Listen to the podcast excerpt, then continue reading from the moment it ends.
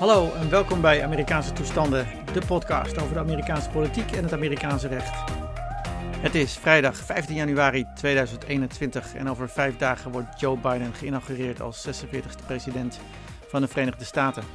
En met 78 jaar oud de oudste persoon die de eed gaat afleggen voor het presidentschap in de geschiedenis van Amerika. Maar voordat we vooruitkijken naar een regering Biden, zijn we vooral ook bezig met het afrekenen met Donald Trump voor de tragische gebeurtenissen van 6 januari de bestorming van het Capitool. Capitool is inmiddels een vesting met zo'n 22.000 troepen in de stad voor beveiliging van de inauguratie op 20 januari, maar ook voor een mogelijke demonstratie tussen aanhalingstekens op 17 januari komende zondag. Want als alle berichten kloppen, zou het nog wel eens spannend kunnen worden. Zullen er inderdaad gewapende milities optrekken naar de hoofdstad? Misschien luister je dit na de 17e en heb je opgelucht adem kunnen halen of ben je getuige geweest van een nog grotere tragedie dan op 6 januari? Maar voor de vraag voor vandaag is of we Trump nog gaan terugzien op het politieke toneel. Want sinds afgelopen woensdag heeft Trump weer een impeachment aan zijn broek. Wat houdt het ook alweer in? Wat is het doel ervan? En hoe gaat het nu verder? Met wel tien republikeinen, en dat bedoel ik niet sarcastisch, nam het Huis van Afgevaardigden de zogenaamde Articles of Impeachment aan, waarin Donald Trump wordt beschuldigd van incitement of insurrection, aansporen tot een opstand. Niet alleen door zijn speech op 6 januari, maar ook vanwege de context waarin dat gebeurde, namelijk het constante liegen over de verkiezingsuitslag, de big lie, wat hij nog steeds blijft doen trouwens. Deze impeachment, deze aanklacht gaat nu naar de Senaat, want impeachment door het Huis betekent nog niet dat Trump uit het ambt is gezet. De Senaat moet nu een proces gaan voeren en beslissen of Trump inderdaad schuldig is van wat hem verwijt wordt. En de Senaat kan daarbij allerlei bewijsmateriaal vragen, opvragen en getuigen horen. Iets wat het de laatste keer in 2019, de eerste impeachment, niet had gedaan. Een schuldigverklaring, een veroordeling, moet gebeuren met een tweederde meerderheid van de stemmen. En als je de grondwet erop naslaat, zou je denken dat er apart gestemd moet worden om de president ook vervolgens uit het ambt te verwijderen. Maar dat is niet zo. Veroordeling is automatische verwijdering, uit het ambt zetten. Maar dat senaatsproces gaat er pas komen nadat Joe Biden Trump al heeft opgevolgd. Wat heeft het dan eigenlijk allemaal nog voor zin? Nou, ik denk afgezien van de signaalfunctie, hè, want wat Trump heeft gedaan is ontzettend fout, ontzettend slecht, enzovoorts.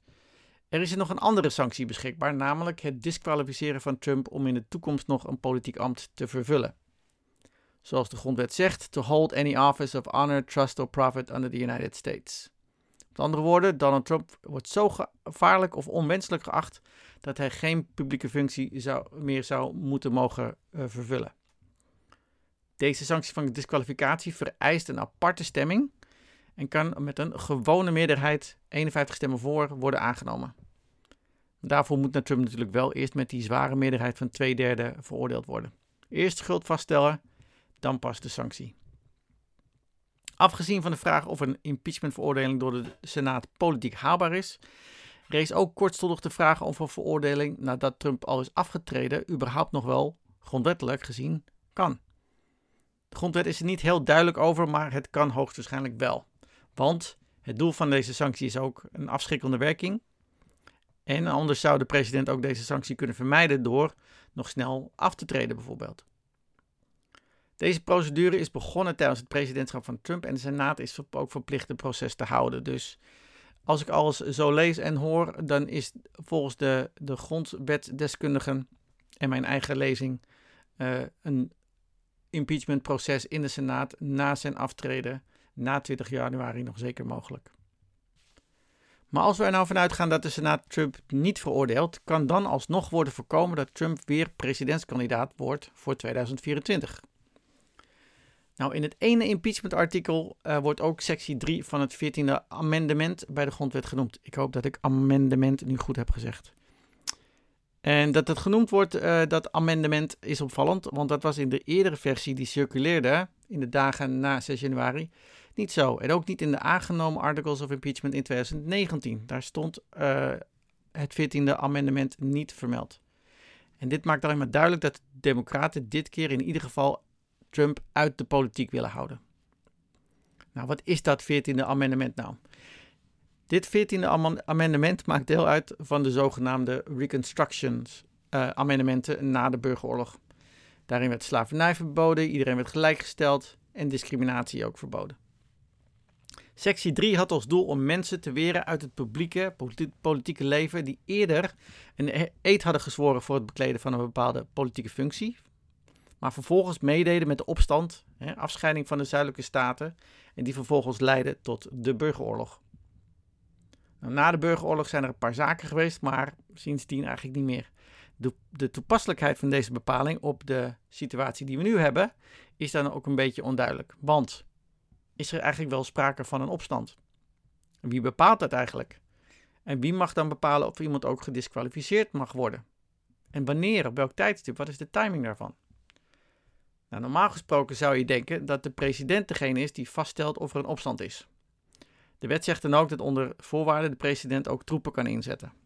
Maar ja, nu is het de president zelf die van opstand wordt beschuldigd.